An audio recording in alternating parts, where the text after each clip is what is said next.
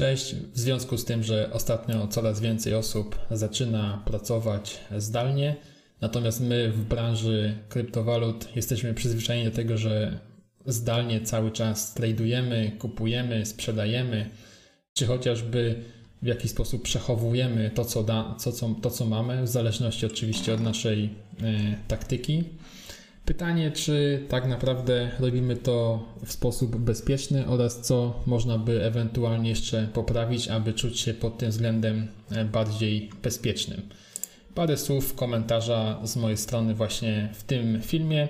Jeśli któryś z tych tematów będzie wymagał dodatkowego rozwinięcia, to proszę o taką informację w komentarzu. Na początku może dwa filmy z innych kanałów, które również traktują o bezpieczeństwie. Ja tutaj podejdę do tego trochę innej strony. Po prostu nie będę powielał tego, co już zostało na innych kryptowalutowych kanałach powiedziane. Na kanale Majka Satoshi mamy 12 zasad, które powinieneś znać, zanim zaczniesz przygodę z kryptowalutami. I na kanale, nowym kanale Rekin Biznesu również zabezpiecz swoje kryptowaluty, Windows i Android, ważne informacje i porady. Także ten mój materiał, który teraz y, oglądacie, słuchacie, jest pewnego rodzaju uzupełnieniem bazującym na moim doświadczeniu w branży IT i bazując na tym, czym na co dzień y, się zajmuję, czym, y, w jakich obszarach wiedzy się poruszam.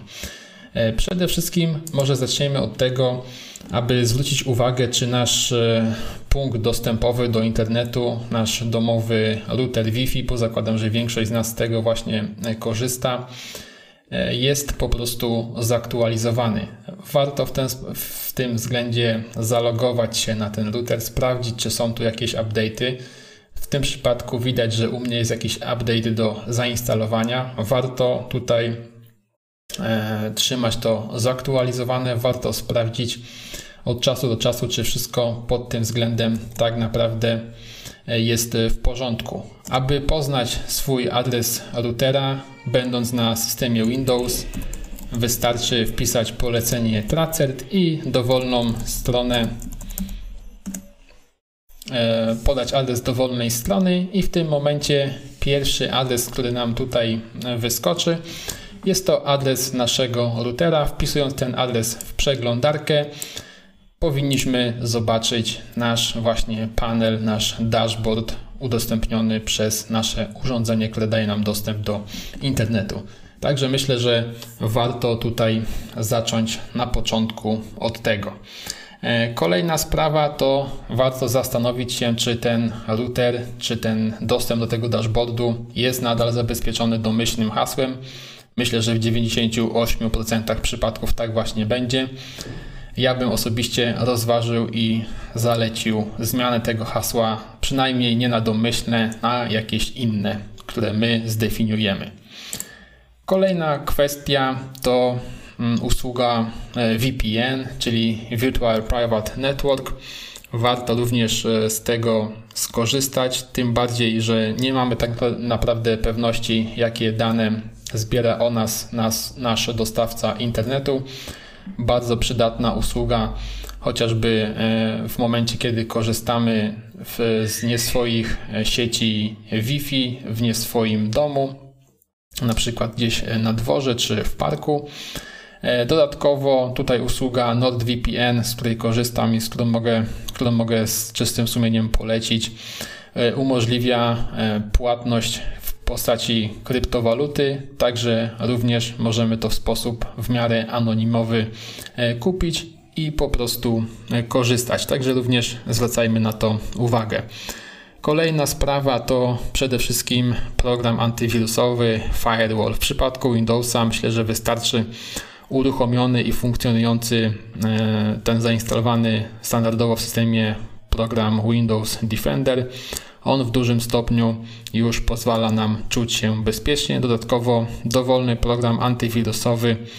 E, są wersje darmowe, są wersje płatne, także tutaj poleciłbym odwołać się do testów tego typu oprogramowania, obejrzeć parę filmów na YouTube czy przeczytać e, informacje właśnie w internecie i wybrać taki odpowiedni do naszych potrzeb oraz możliwości finansowych. Program antywirusowy Firewall myślę, że to jest niezbędne oprogramowanie obecnie na każdym komputerze hmm, osobistym.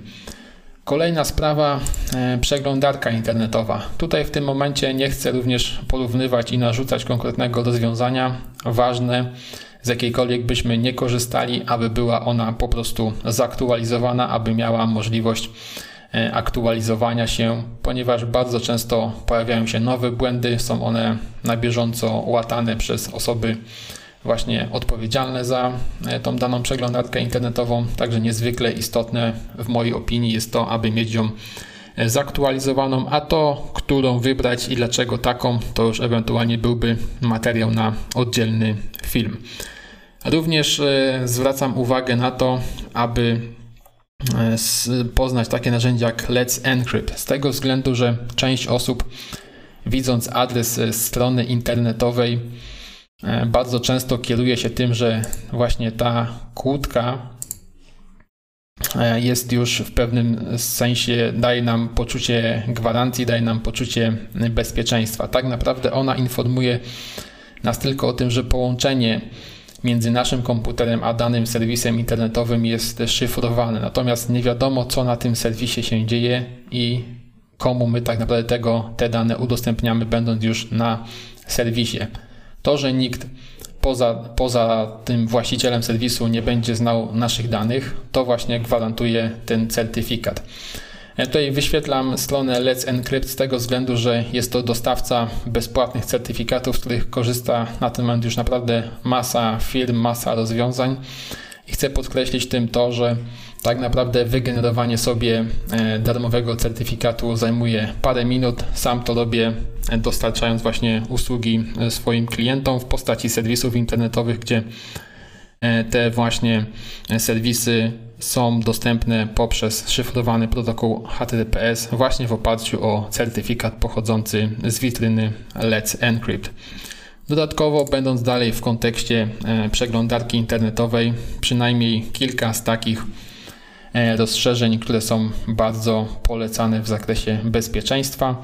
E, pierwsze to uBlock Origin, czyli bloker e, reklam. On też jest dostępny na szereg najbardziej popularnych obecnie przeglądarek internetowych. Dodatkowo Privacy Badger, czyli bloker tak zwanych trackerów, które pozwalają nam pozwalają sieciom reklamowym jednoznacznie nas identyfikować i śledzić E, poprzez wizyty, jakie dokonujemy na poszczególnych stronach internetowych. Dodatkowo myślę, że warto również rozważyć zainstalowanie e, dodatku HTTPS Everywhere, który pilnuje, aby wszelkie, e, wszelkie połączenia już bezpośrednio z odwiedzanych przez nas stron były wykonywane jedynie poprzez szyfrowany protokół właśnie związany z e, protokołem HTTPS.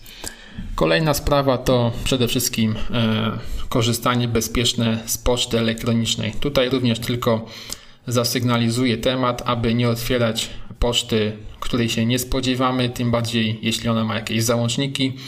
Aby sprawdzać dokładnie dokąd prowadzą te linki przed kliknięciem, możemy to zrobić poprzez na przykład najechanie na link i sprawdzenie prawdziwego adresu docelowego E, zwykle w lewym dolnym rogu przeglądarki, gdyż sam opis może być e, po prostu sztuczny. E, dużo przestępców używa różnych technik phishingowych, które właśnie korzystają z tego typu słabości. Załączniki jeszcze raz. Nie spodziewamy się poczty, nie otwieramy E, zwłaszcza dokumentów typu Office, e, które mogą zawierać groźne makra.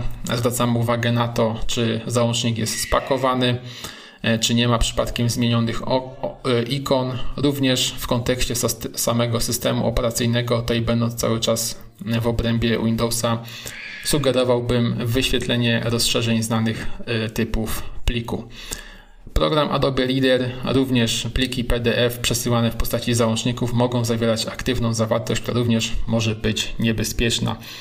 Dodatkowo różne czcionki, kodowanie znaków również mogą e, niedoświadczonego użytkownika poczty elektronicznej wprowadzać w błąd, dlatego na to również należy zwrócić uwagę. Tak jak wspomniałem wcześniej, tutaj jedynie sygnalizuję temat.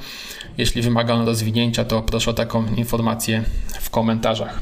Dodatkowa sprawa to komunikatory internetowe typu właśnie Messenger, Telegram, WhatsApp, Signal. Na pewno warto z nich korzystać. Warto tak naprawdę tylko z niektórych z nich. Myślę, że bezpieczniejsze są wersje mobilne.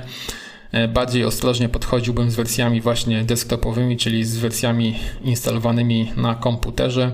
Tutaj również e, sygnalizuję jedynie temat, aby właśnie w ramach komunikacji ze znajomymi, czy też w komunikacji e, służbowej, czy też komunikacji z różnymi tak naprawdę przedstawicielami różnych projektów kryptowalutowych, projektów blockchain, używać tych bezpiecznych, szyfrowanych połączeń.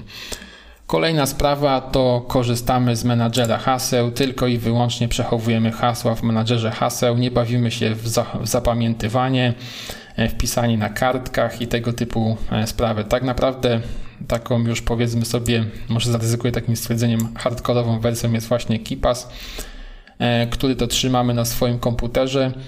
Jest on może trochę trudniejszy w użytkowaniu, jest, jest również zaopatrzony w wersję mobilną. Sam korzystam z tego rozwiązania, gdzie magazynuję swoje hasła, gdzie KeePass generuje mi hasła do danego serwisu i mam pewność, że żadne hasło nie zostanie powtórzone więcej niż e, jednym e, serwisie. Oczywiście można tutaj ustawić e, poziom skomplikowania danego hasła na temat tego również jest e, szereg e, porad w internecie. Tak jak wcześniej wspomniałem, tutaj sygnalizuję temat. Proszę o informację, czy e, rozwinięcie tego będzie dla Ciebie interesujące. Inna wersja to program One Password. Tutaj wersja oparta w chmurze, wersja łatwiejsza w użytkowaniu niż KeePass, również dająca tą samą funkcjonalność. Także każdy tutaj w tym zakresie znajdzie coś dla siebie i myślę, że warto poświęcić tą pierwszą godzinę czasu, aby zapoznać się z danym narzędziem, a później w, bezpie w bezpieczny sposób z niego korzystać. Kolejna sprawa to od czasu do czasu zajrzeć na jakiś serwis związany z bezpieczeństwem typu Securak, zaufana trzecia strona, czy też niebezpiecznik.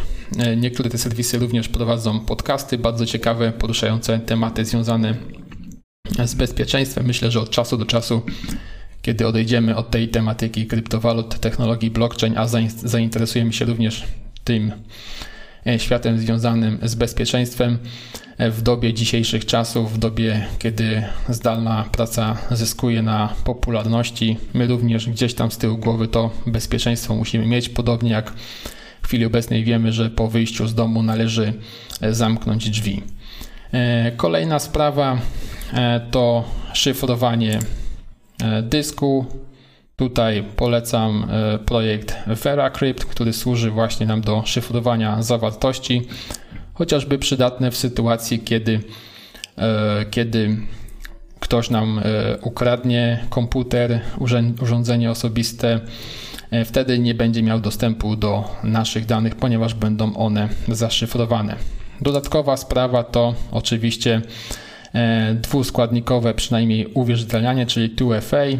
E, tutaj mamy implementację tego rozwiązania w postaci projektu Auti, czy w przypadku e, popularnego Google Authenticator. Tutaj również myślę, że warto czy to na dowolnej giełdzie, czy nawet na dowolnym serwisie, z którego korzystamy, jeśli tylko jest taka opcja, zawsze to uruchomić, korzystać z tego 2FA i wygenerować sobie takie kody, czy to przez Google Authenticator, czy poprzez aplikację Auti. One się niewiele różnią między sobą.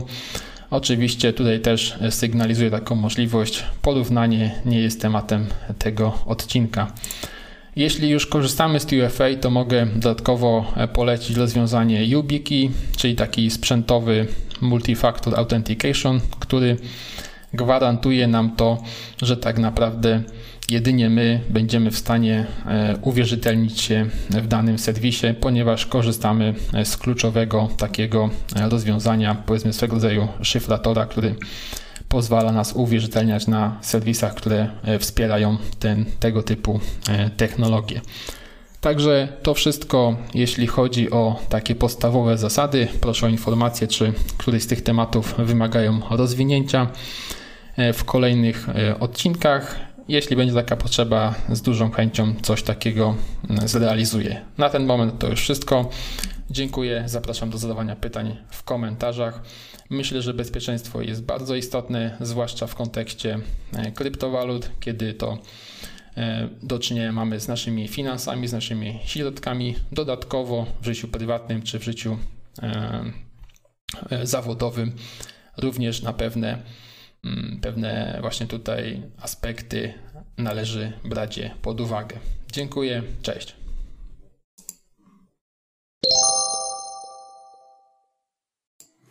Cześć, zapraszam Cię do materiału poświęconego bezpieczeństwu.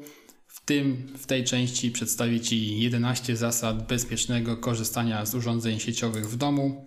Tak naprawdę skupię się tutaj na urządzeniu dostępowym, tak zwanym routerze, głównie na routerze bezprzewodowym, bo myślę, że tego typu urządzeń jest najwięcej w naszych domach, w naszych mieszkaniach. I punkt pierwszy Sugerowałbym zmienić dostępowe hasło do, do routeru, te, które jest tak naprawdę domyślnie, czyli te, które jest zapisane w instrukcji lub na takiej specjalnej kartce dołączonej do tego urządzenia. Z tego względu, że w, w internecie znajduje się cała masa haseł dostępowych do tego typu urządzeń, które umożliwiają po prostu przypomnienie tak naprawdę tego hasła posiadaczom tego typu urządzeń. E, hasła te e, znajdują się tam tak naprawdę do każdego urządzenia, także dla własnego bezpieczeństwa warto to hasło zmienić. Wiadomo, że dostanie się do routera, czy nawet umożliwienie wpisania tego hasła jest możliwe tylko wtedy przy dołączeniu się do sieci. Myślę jednak, że to jest dobra praktyka, by to hasło zmienić. I jeśli już zmieniamy, to warto tutaj za, zastosować menadżer haseł, który to hasło nam wygeneruje. Kolejna sprawa to sugeruje wyłączenie e, Wi-Fi Protected Setup, czyli technologii umożliwiającej szybkie e, dołączenie do sieci poprzez na przykład skan QR kodu. Jest to technologia podatna na szereg różnych e, niebezpieczeństw i tak naprawdę warto to wyłączyć, a poświęcić chwilę czasu na to, aby to hasło dołączając się do sieci wpisać i w bezpieczny sposób do tej sieci dołączyć i z niej korzystać. Kolejna sprawa, e, sugerowałbym wyłączenie Universal Plug and Play. Kolejna technologia rzadko używana, która początkowo miała ułatwiać mm, korzystanie z sieci Wi-Fi, jednak cechująca się szeregiem różnych podatności. Co chwilę odnajdywane są kolejne, dlatego bezpieczniej jest to wyłączyć. Tym bardziej, że jestem pewny, że większość użytkowników tak naprawdę nie wie, co to jest i z tego nie korzysta. Tym bardziej, jeśli coś jest nam niepotrzebne, warto to po prostu wyłączyć. Czwarty punkt to włączenie szyfrowania WPA2 z technologią AS, czyli sprawdzamy, czy nasze Wi-Fi, które wysyła sygnał i umożliwia połączenie się za pomocą hasła, czy to szyfrowanie wykorzystuje technologię WPA2 właśnie z kluczem szyfrującym AES i warto by było, aby to hasło dostępowe do naszej sieci bezprzewodowej składało się z tych przynajmniej 16 znaków, również wygenerowanych przez menadżer haseł.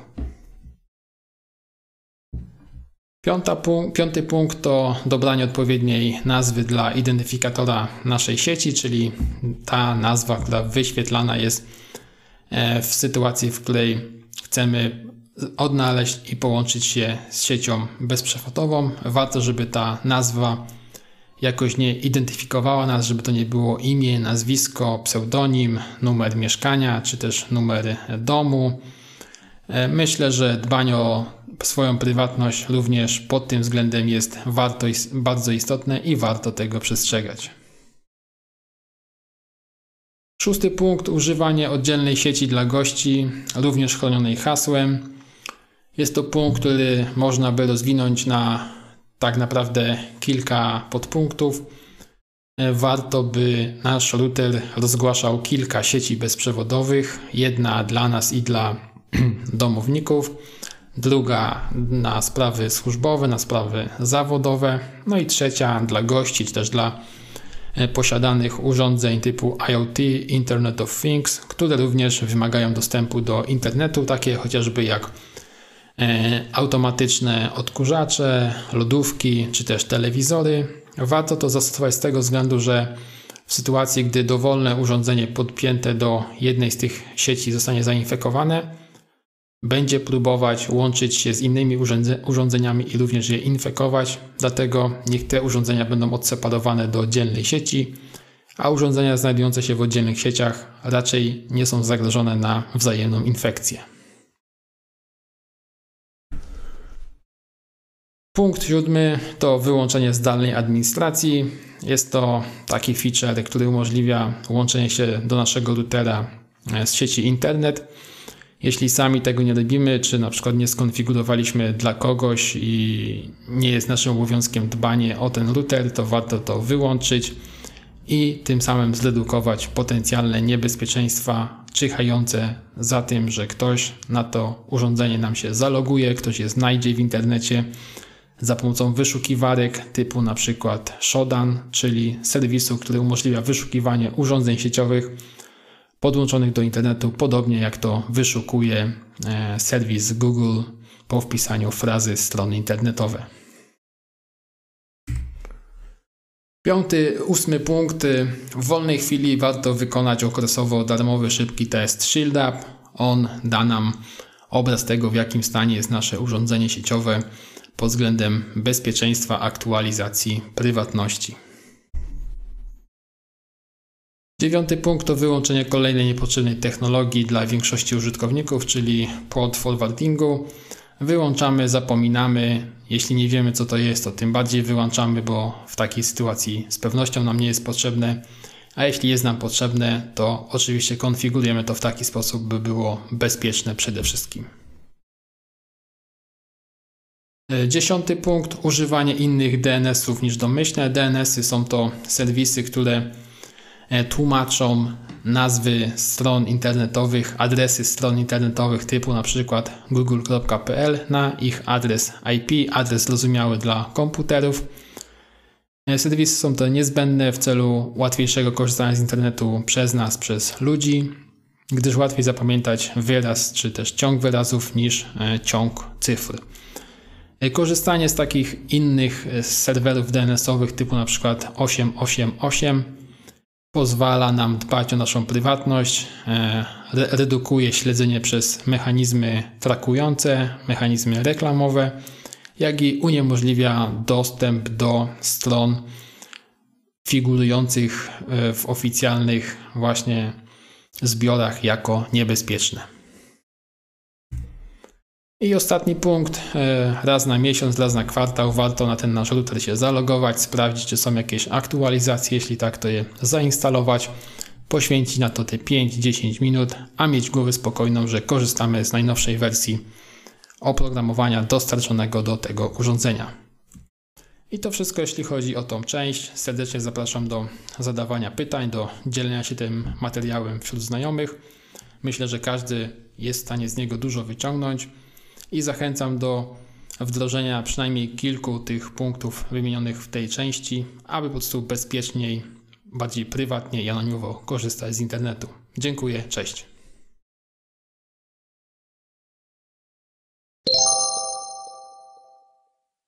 Cześć, witam Was w kolejnej części dotyczącej bezpieczeństwa. Tym razem zajmę się i przedstawię trochę aspekty związane z bezpiecznym miejscem pracy i otoczeniem, w którym właśnie wykonujemy obowiązki e, służbowe, czy też po prostu prywatnie korzystamy z komputera w miejscu nie do końca do tego przeznaczonym. I tak, jeśli pracujemy w domu, to myślę, że warto skupić uwagę na tym, aby to, co robimy, to interesowało tak naprawdę tylko nas lub ewentualnie osoby bezpośrednio z tym związane naszych domowników nie do końca myślę, że należy wprowadzać w to, co e, realizujemy, zwłaszcza jeśli mamy konkretne umowy podpisane z naszymi klientami czy e, właśnie z, z firmą, w zależności od tego, w jaki sposób zarabiamy na życie. Nie mówię tutaj, żeby to trzymać jakoś specjalnie w tajemnicy, po prostu trzeba umieć rozróżnić te sprawy typowo zawodowe od tych, o których można oczywiście z rodziną e, spokojnie porozmawiać. Kolejna sprawa, bardzo fajny temat e, filtru prywatnościowego. Myślę, że pracując w komunikacji miejskiej, w restauracji, czy na przykład e, czekając w jakiejś poczekalni, warto zainwestować te od mniej więcej 60 do 200 zł właśnie w filtr prywatnościowy, który umożliwia jedynie nam, czyli osobie e, siedzącej naprzeciwko komputera, widzenie to, co na tym ekranie się dzieje, natomiast postronnym osobom siedzącym zaraz obok e, blokują one taką możliwość i nie ma takiej możliwości, aby ktoś siedzący obok widział to, co dzieje się na naszym komputerze. Myślę, że bardzo ciekawa opcja, godna rozważenia. Kolejna sprawa, czyli udział w popularnych teraz e, telekonferencjach. Myślę, że tutaj warto używać słuchawek. E, nie wiadomo nigdy, kto tego słucha, kogo to interesuje. Dodatkowo ten może przykład był taki dość skrajny, bo raczej małe prawdopodobieństwo jest ku temu, żeby e, sąsiada tak bardzo interesowało, co my robimy. Z drugiej strony teraz dużo osób siedzi w domu i może po prostu z nudów przypadkowo coś usłyszeć, zwłaszcza jeśli E, mieszkamy w bloku, w budynku wielomieszkalnym. Natomiast to jest taki ciekawy case rozpoznawania mowy. Mamy urządzenia, telefony, jakieś urządzenia Internet of Things, które mają funkcję rozpoznawania mowy i w sytuacji, kiedy na naszej telekonferencji padnie jakieś słowo, które jest zaprogramowane, zaprogramowanym słowem kluczowym w tym urządzeniu, może spowodować wywołanie po prostu kolejnej akcji, jakieś wybranie numeru czy coś w tym stylu. Warto tego unikać i stosować po prostu słuchawki. E, kolejna opcja, popularne zaklejanie kamery w laptopie. Oczywiście bardzo przydatne z tego względu natomiast, że wiele programów do telekonferencji jakby automatycznie uruchamia kamerę, natomiast e, konferencje często są wyzwaniane chwilę wcześniej, kiedy to nie do końca możemy być jeszcze do tego przygotowani. Nasz strój może nie być e, odpowiedni czy nawet kompletny. E, tutaj raczej nie skłaniałbym się ku temu, aby ktoś e, nas przez tą kamerkę mógł obserwować, bo wiele osób z tego względu ją zakleja. Tutaj zawsze warto zadać sobie pytanie, czy jeśli zaklejam kamerę w laptopie, to czy również zaklejam ją w telefonie komórkowym, tutaj w smartfonie. E, piąty punkt warty do zastosowania, czyli wylogowanie się w sytuacji, kiedy odchodzimy od komputera. Tutaj myślę, że nie ma co do komentować tego. Bardzo dobry nawyk. E, w biurach pozwala uniknąć szeregu żartów. W domu, zwłaszcza gdy mamy jakieś mniejsze dzieci, e, może nam również zaoszczędzić trochę nerwów i gwarantować więcej spokoju. E, piąty punkt to dbanie o swój wizerunek, nawet podczas wideokonferencji. Dobieramy go w zależności od wagi i od tego, z kim rozmawiamy i o czym. Myślę, że taki mało e, techniczny temat, jednak warto zwrócić na to uwagę i dostosować się do e, tych wirtualnych okoliczności.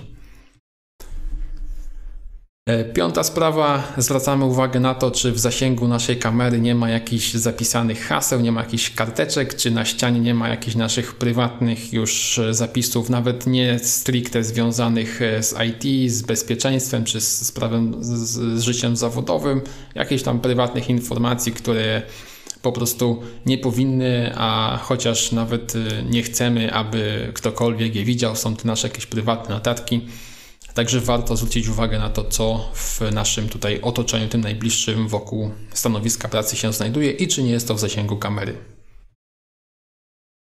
I ostatnia sprawa, zwracam uwagę na to, czy siadamy przy oknie, czy nie, bo czasami przez to okno może ktoś zaglądać, może ktoś podglądać. E, po zmroku staramy się nie siadać przy, przy oknie, również ponieważ ono staje się tak jakby lustrem takim weneckim E, w ciągu dnia również może siedzenie przy lustrze nie jest e, odpowiednim e, miejscem.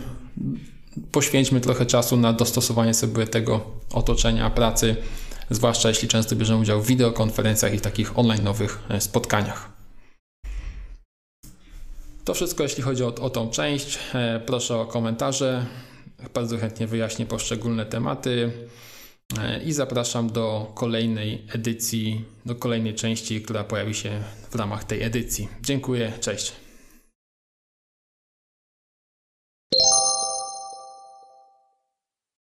Cześć, witam Was w kolejnej części poświęconej bezpieczeństwu. Dzisiaj przedstawię Wam 10 zasad bezpiecznego korzystania ze sprzętu służbowego i ze sprzętu prywatnego. Także serdecznie zapraszam Was do tej części serii. E, I tak, pierwszy punkt. Jeśli musisz pracować na prywatnym komputerze, używaj dystrybucji Live CD lub maszyn wirtualnych lub chociaż osobnego konta użytkownika.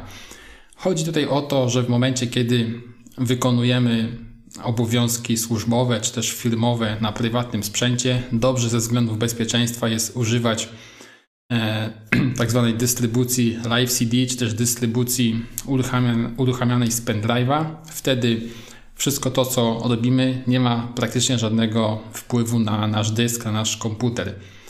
Dobrym zastosowaniem są też maszyny wirtualne, oprogramowanie typu VirtualBox, które można pobrać, następnie zainstalować odpowiednią maszynę wirtualną z potrzebnym dla nas systemem i w ten sposób również odseparować te sprawy zawodowe od e, tego, co się znajduje na naszym prywatnym komputerze. Jeśli jedna czy druga metoda są dla nas zbyt skomplikowane, zbyt trudne, to dobrą radą jest tutaj użycie chociażby osobnego konta użytkownika właśnie do tych celów, oczywiście konta bez uprawnień administratora. Druga sprawa to taka drobna sugestia. Według mojej opinii należy zrobić wszystko, aby nie instalować służbowych aplikacji na prywatnym komputerze. E, służbowe aplikacje, czyli aplikacje udostępnione nam przez firmę, w której pracujemy, czy też z którą współpracujemy, tak naprawdę nie wiemy, co w sobie kryją. Duże prawdopodobieństwo jest takie, że jest tam zainstalowane coś dodatkowego, co pewnie e, w jakiś sposób monitoruje to, co robimy, i tak naprawdę administrator, ktoś z działu IT, e, z firmy, może wiedzieć wszystko, co na tym komputerze robimy. Trzeci punkt to szyfrowanie danych i tutaj mamy bardzo fajne narzędzie e, już od Windowsa mm, BitLocker czy też darmowe VeraCrypt. VeraCrypt jest e, bardzo fajnym narzędziem również w sytuacji, kiedy chcemy coś ukryć na komputerze, ponieważ e, szyfrując dane katalogi możemy je pogrupować tak, aby wpisując jedno hasło widzieć inne katalogi, natomiast wpisując kolejne drugie hasło widzieć jeszcze inne katalogi, dlatego ze względów bezpieczeństwa jest to ciekawa funkcja.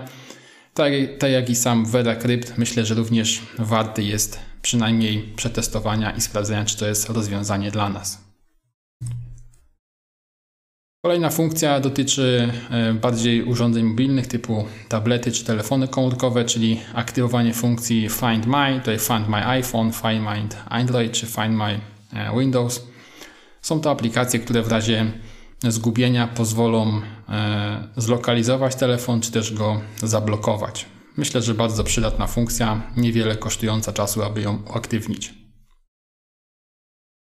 Piąty punkt, oczywiście związany e, z pierwszym. Oddzielamy służbowe pliki od prywatnych. Po zakończeniu pracy najlepiej usuwamy te pliki tak, aby niepotrzebnie nie zajmowały miejsca i to jest taka ogólna dobra praktyka, żeby coś, co nie jest nam potrzebne, po prostu usunąć, nie korzystać z tego. Szósty punkt y, mówi o wykorzystaniu PIN-u do karty SIM w przypadku, gdy zostanie nam zgubiony, zostanie nam skradziony telefon lub go e, zgubimy. E, samo zablokowanie telefonu, korzystając na przykład z linii papilarnych czy też z rozpoznawania twarzy, E, niewiele nam daje. Nadal złodziej czy znalazca może wyjąć kartę SIM i na przykład wykorzystać ją do dzwonienia na numery premium, czy też do znajomych za granicę. Dlatego warto założyć również e, PIN na kartę SIM, a nasz telefon po prostu znaleziony czy też ukradziony zostanie sprzedany prawdopodobnie na części na portalach aukcyjnych, a karta SIM po prostu dla złodzieja, dla znalazcy nieuczciwego będzie nieużyteczna i stracimy jedynie wartość, jaką miał dla nas telefon. Siódmy punkt, y, tutaj też rada z mojej strony, aby służbowego sprzętu najlepiej nie pożyczać, może nawet nie pokazywać, chociaż to już jest skrajność. E, na pewno nie pozwalać korzystać rodzinie czy też znajomym. Myślę, że każdy powinien mieć swój sprzęt w domu, jeśli potrzebuje z niego skorzystać, a jeśli nie potrzebuje, to tym bardziej nie powinien korzystać z nie swojego, a tym bardziej z firmowego czy też służbowego. E, ósmy punkt. Jeśli jest nam przydzielony sprzęt e, służbowy, należy się zapytać, e, kto odpowiada i jak często będzie aktualizowany. To również ma wpływ na bezpieczeństwo. Czasami te aktualizacje są wyłączone, czasami musi je robić ktoś z uprawnieniami administratora, dlatego lepiej wiedzieć na samym początku, do kogo w tej sytuacji należy się zwrócić. I to samo dotyczy backupu, e, zawartości dysku twardego, czyli jak często i przez kogo powinien on być robiony, gdzie ten backup powinien być przechowywany, czy w chmurze, czy na dysku zewnętrznym. Jeśli na dysku zewnętrznym, to również powinniśmy go dostać. Także to jest temat, który również myślę, że warto poruszyć podczas przejmowania sprzętu służbowego. I ostatni punkt dotyczy VPN-u. Pamiętajmy, że VPN przyznany nam, czy też zainstalowany na komputerze e, służbowym, VPN filmowy służy jedynie, abyśmy mieli dostęp do całej sieciowej infrastruktury firmy. Nie służy do tego, aby na przykład zmieniać nasz adres IP a do tego służą z kolei prywatne usługi typu VPN. Także tutaj również należy, należy rozróżnić, co do czego warto i można wykorzystać. To wszystko, jeśli chodzi o tą część dotyczącą sprzętu prywatnego i służbowego. Zapraszam do zadawania pytań i do skorzystania z tych rad, aby bezpieczniej i pewniej korzystać w internecie ze sprzętu prywatnego czy ze służbowego. Dziękuję, cześć.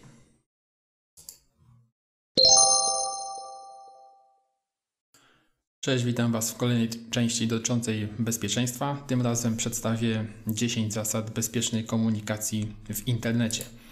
E, zapraszam również do e, dzielenia się filmami z tej serii ze znajomymi, gdyż są one adresowane do myślę, że bardzo szerokiego grona odbiorców, nie tylko osób zainteresowanych stricte kryptowalutami, natomiast do osób, które e, korzystają z komputerów w sposób zawodowy czy też w sposób prywatny i chcą poprawić swoje bezpieczeństwo, biorąc pod uwagę różne jego aspekty. I dzisiaj parę sugestii, parę moich opinii na temat bezpiecznej komunikacji. E, przede wszystkim myślę, że warto rozważyć korzystanie z usług e, dostawcy VPN, czyli Virtual Private, Private Network Oczywiście zdaję sobie sprawę, że część z Was pewnie posiada klienty VPN-a od swojego pracodawcy. Natomiast pamiętajmy, że e, taki klient VPN-owy to nie jest to samo co komercyjnie wykupiona usługa. E, klient VPN-owy dostarczony Wam przez Waszego pracodawcę umożliwia przeważnie dostęp do firmowych zasobów, natomiast zewnętrznie wykupiona usługa VPN-owa e, umożliwia po prostu przedstawianie się w internecie spod innego adresu IP, czyli e, będziemy widziani jako osoby na przykład z innego kraju. I przykładem, który udostępnia taką usługę i myślę, że jest realizowana w bardzo dobry sposób, jest projekt NordVPN. E, kolejna sprawa, często zachodzi potrzeba tworzenia sieci e, ze współpracownikami, czy też z, osobami, którymi, z którymi realizujemy różne przedsięwzięcia właśnie online i tutaj dobrze jest rozważyć właśnie wykorzystanie narzędzi typu e, Mesh VPN. Przykładem tego narzędzia jest projekt na przykład Hamachi, który kiedyś i nadal pewnie jest używany do właśnie zakładania takiej wirtualnej sieci i grania chociażby w gry sieciowe, w gry online. E, kolejna sprawa to rozmawiając na dowolnym komunikatorze, zwracajmy uwagę na to, aby był on szyfrowany end-to-end. E, I tutaj tak naprawdę stosując taki, taki rodzaj szyfrowania e, nie ma możliwości podsłuchania naszej rozmowy, gdyż ona jest szyfrowana u nas, a następnie odszyfrowywana dopiero u odbiorcy a wszelkimi kanałami transportowymi jej treść jest przekazywana w sposób zaszyfrowany. I tutaj e, Messenger czy chociażby WhatsApp nie są do końca polecanymi rozwiązaniami. Nie są to komunikatory szyfrowane end-to-end, natomiast bardzo dobrym i chyba na ten moment najlepszym rozwiązaniem w tym zakresie jest komunikator Signal. Kolejna sprawa również komunikacja zespołowa. Tym razem, jeśli chcemy po prostu prowadzić rozmowy w zespole w większej liczbie osób, często do tego jest używany komunikator Slack. Ma on oczywiście klienta mobilnego, ma wersję przeglądarkową. E, natomiast wszelkie dane e, z rozmów Slacka są trzymane na ich serwerach. Tutaj odpowiednikiem tego również korzystającym z szyfrowania jest projekt keybase.io. Ostatnimi czasy, również ze względu na wzrost popularności Slacka, odkryto tam szereg e, podatności. Dlatego myślę, że jeśli dbamy o bezpieczeństwo komunikacji w zespole i nie chcemy, aby te dane były trzymane w jawny sposób na e, czyichś serwerach, warto rozważyć, według mojej opinii, właśnie rozwiązanie Keybase. Kolejna sprawa tyczy się komunikacji, w której wysyłamy wszelkiego rodzaju zdjęcia, pliki graficzne.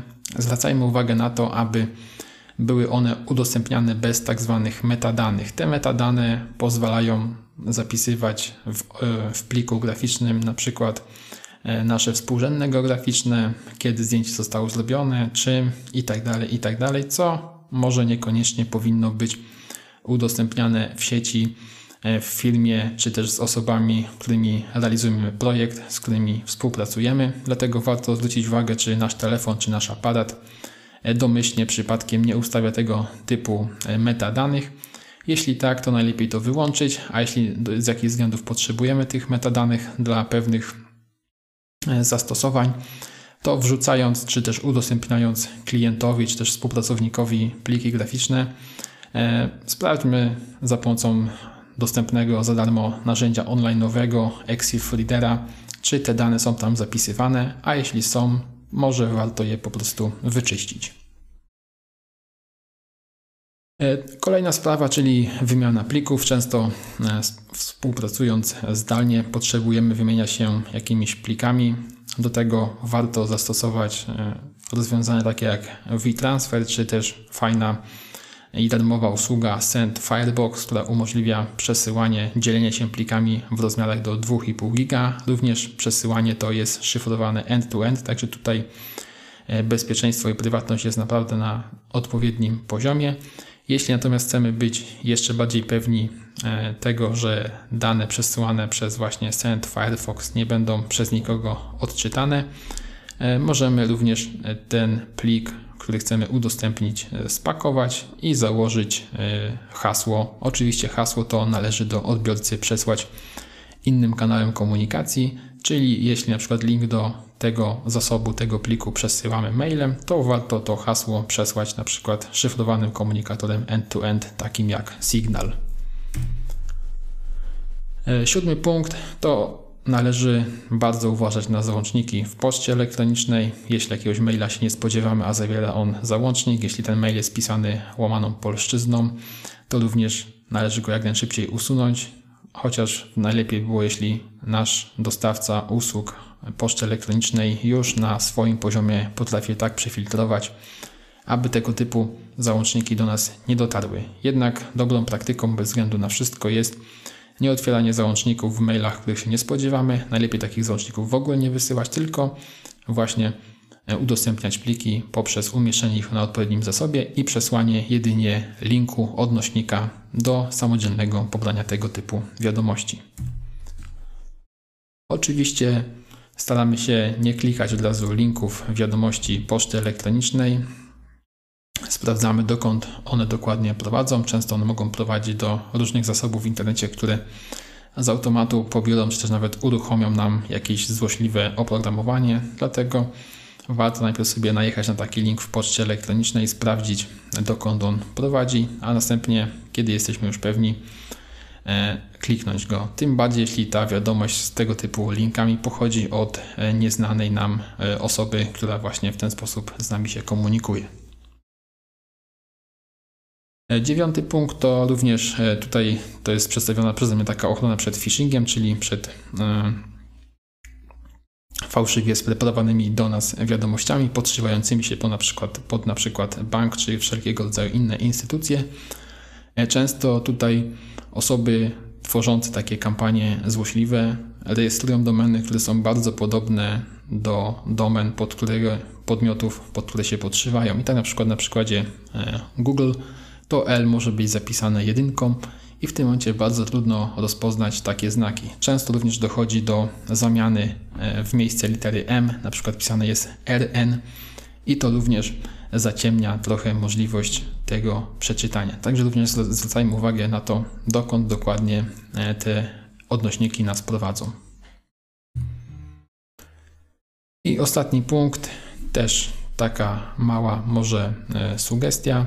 Warto rozważyć szyfrowanie poczty elektronicznej z tego względu, że domyślnie poczta elektroniczna, która jest przesyłana pomiędzy nami, nie jest w żaden sposób szyfrowana.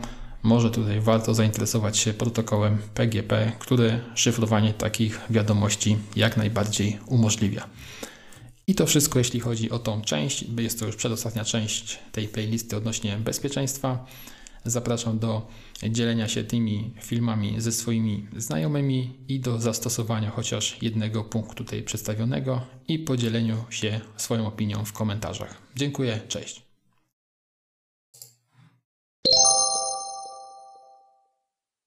Cześć, witam Cię w kolejnym odcinku serii poświęconej bezpieczeństwu. W tym odcinku przedstawię Ci 10 ogólnych zasad które warto stosować, dbając o swoją prywatność i anonimowość w internecie. Także serdecznie zapraszam Cię do tego odcinka.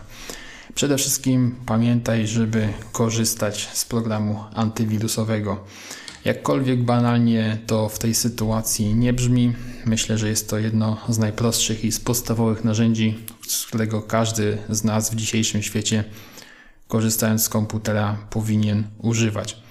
Oczywiście e, zalet korzystania z tego programu jest dosyć dużo. Z minusów ciężko mi cokolwiek tutaj wymyśleć. Może jedynie to, że jest to dodatkowy element, który e, obciąża nieco nasz komputer, chociaż te dzisiejsze aplikacje już wcale tak e, zasobożernie nie działają. No i za większość z nich oczywiście tych dobrych trzeba zapłacić.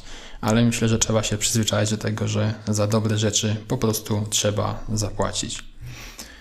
E, kolejna sprawa to pamiętaj, aby aktualizować swoją przeglądarkę internetową i to bez większego znaczenia, czy z jakiej w tym momencie korzystasz, czy jest to Internet Explorer, czy to jest Edge, czy to jest Firefox, czy jest Chrome, e, czy to jest e, Brave, czy to jest dowolna inna przeglądarka, jaka by ona nie była i jakiekolwiek by nie miała wbudowane mechanizmy dbające już o prywatność, o anonimowość, o bezpieczeństwo w internecie na nic to wszystko się zda, jeśli ta przeglądarka nie będzie zaktualizowana. Także myślę, że warto domyślnie tą opcję e, aktualizacji włączyć. I tutaj również temat związany e, z, z przeglądarką, czyli dodatkowe rozszerzenia, które są warte do zainstalowania. E, wszelkiego typu właśnie przeglądarkowe rozszerzenia, adiny, czy jak one tam są zwane w poszczególnych rozwiązaniach. E, takie mini programy, które pozwalają blokować reklamy, czy różne trackery, które nas identyfikują i dzięki którym jesteśmy rozróżniani pomiędzy różnymi serwisami i identyfikowani jako my. Także tutaj również warto poświęcić trochę czasu i przynajmniej trzy typu MiBlock, HTTPS Everywhere czy Privacy Badger zainstalować i na pewno będziemy się dzięki temu e, lepiej trochę ukrywać w internecie.